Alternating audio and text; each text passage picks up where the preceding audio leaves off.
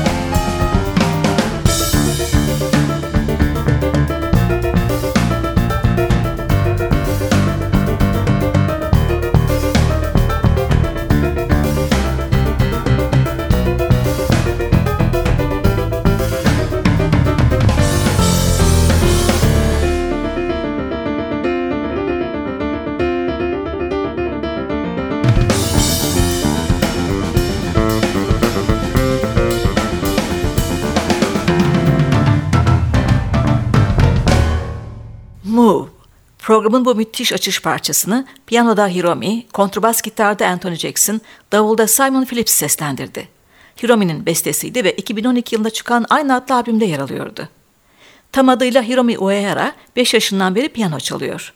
Müziğin tüm nüanslarını aynı ustalıkla çalabilen Hiromi'ye bu alanda yol gösterenler, ilk piyano öğretmeni ve aynı zamanda Oscar Peterson hayranı olan Noriko Hikida ile caz dünyasında desteği Ahmet Cemal.